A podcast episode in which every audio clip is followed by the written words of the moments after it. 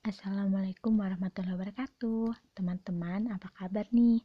Semoga sehat selalu ya dan selalu bahagia. Apalagi di tengah pandemi kayak gini Harus dan penting banget jaga kesehatan nih. Bukan cuma kesehatan lahir doang Tapi juga jasmani. Karena seperti yang udah kita tahu lah Sakit itu nggak cuma karena faktor dari luar diri kita Tapi dari dalam diri pun juga bisa jadi faktornya So, stay safety and healthy ya.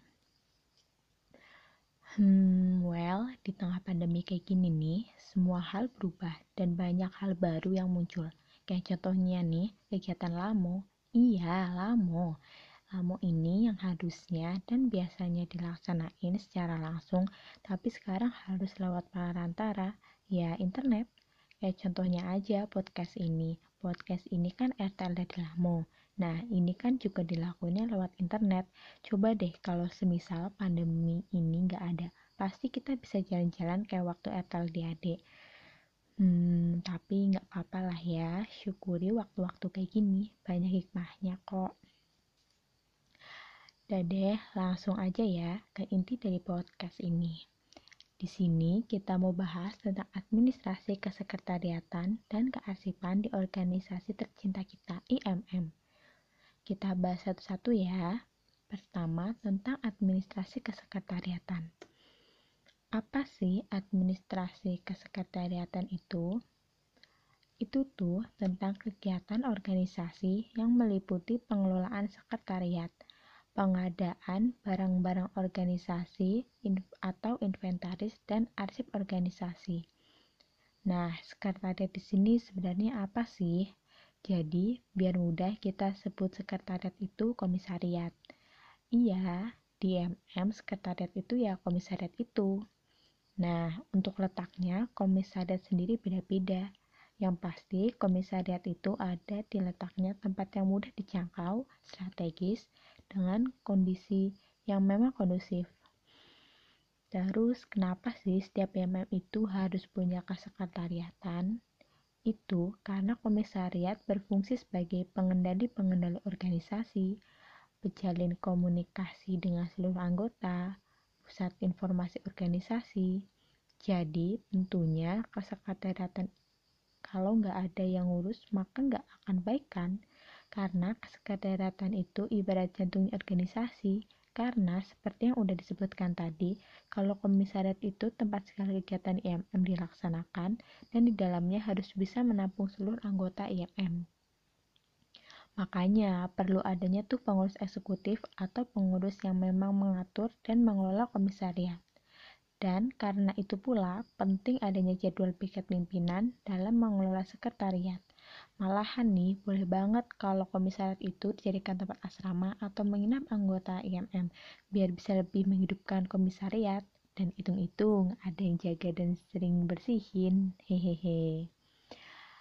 Namanya kesekretariatan, pasti di dalamnya ada banyak barang-barang atau di sini kita bisa jemput inventaris. Karena inventaris sendiri kan adalah segala sesuatu yang memiliki organisasi berupa harta kekayaan organisasi. Inventaris sendiri di sini ada dua macam, yaitu inventaris permanen dan tidak permanen. Dari namanya aja udah ketebak ya, penjelasan tentang masing-masing inventaris ini, tapi nggak apa-apa deh jelasin lagi ya. Pertama, inventaris permanen itu kekayaan organisasi yang dalam jangka waktu yang lama tidak mengalami perubahan. Contohnya, gedung, lemari, dan lain-lain. Yang kedua, inventaris tidak permanen itu yang dalam jangka waktu tertentu dapat mengalami perubahan. Contohnya, kop surat. Nah, terus siapa sih yang memiliki tanggung jawab dalam inventaris ini? Tentunya dalam hal ini sekretaris tetapi tetap ada kerjasama dan membutuhkan koordinasi dengan pimpinan dan anggota lainnya. Buat menyimpan inventaris ini sendiri harus dikomisariat ya teman-teman. Oke deh, lanjut ke bagian kearsipan. Arsip itu apa hayo? Iya, bener banget. Arsip itu pasti berkaitan dengan dokumen. Jadi, arsip adalah dokumen organisasi yang menyangkut kepentingan organisasi seperti surat-surat, buku, laporan-laporan, beserta teman-teman mereka itu. Arsip ini dokumen yang harus disimpan ya teman-teman, karena memiliki nilai manfaat yang dapat dipakai sewaktu-waktu. Untuk pengolahannya sendiri, arsip ini bisa disusun berdasarkan abjad dari A sampai Z, subjek masalah yang dihadapi, tanggal, nomor, dan daerah. Penyimpanan arsip harus dilakukan dengan baik, ya usahakan tempat untuk menyimpan terhindar dari api, air, dan mudah diawasi. Juga pastikan tempat untuk menyimpannya itu awet dan tahan lama ya. Arsip harus disimpan terus ya kak. Terus kalau kepenuhan gimana? Tenang kok, di sini juga ada penyusutan arsip yang bertujuan untuk mengendalikan arus arsip yang tercipta dan mengatur penyelamatan arsip. Dibakar, eits, penyusutan arsip itu nggak cuma dibakar ya teman-teman, bisa juga dijilid, diserahkan kepada arsip daerah atau nasional, dan yang terakhir dibakar seperti yang teman-teman bisa temui. Semuanya disusutkan. Enggak dong, arsip yang di akan disusutkan akan dipertimbangkan berdasarkan nilai administrasi, nilai keuangan, nilai penelitian, dan sejarah, dan usia arsip. Wih, udah banyak banget ya pembahasannya, tapi ini belum seberapa kok. Masih kepo seputar selok-belok administrasi MM. Stay tune terus ya.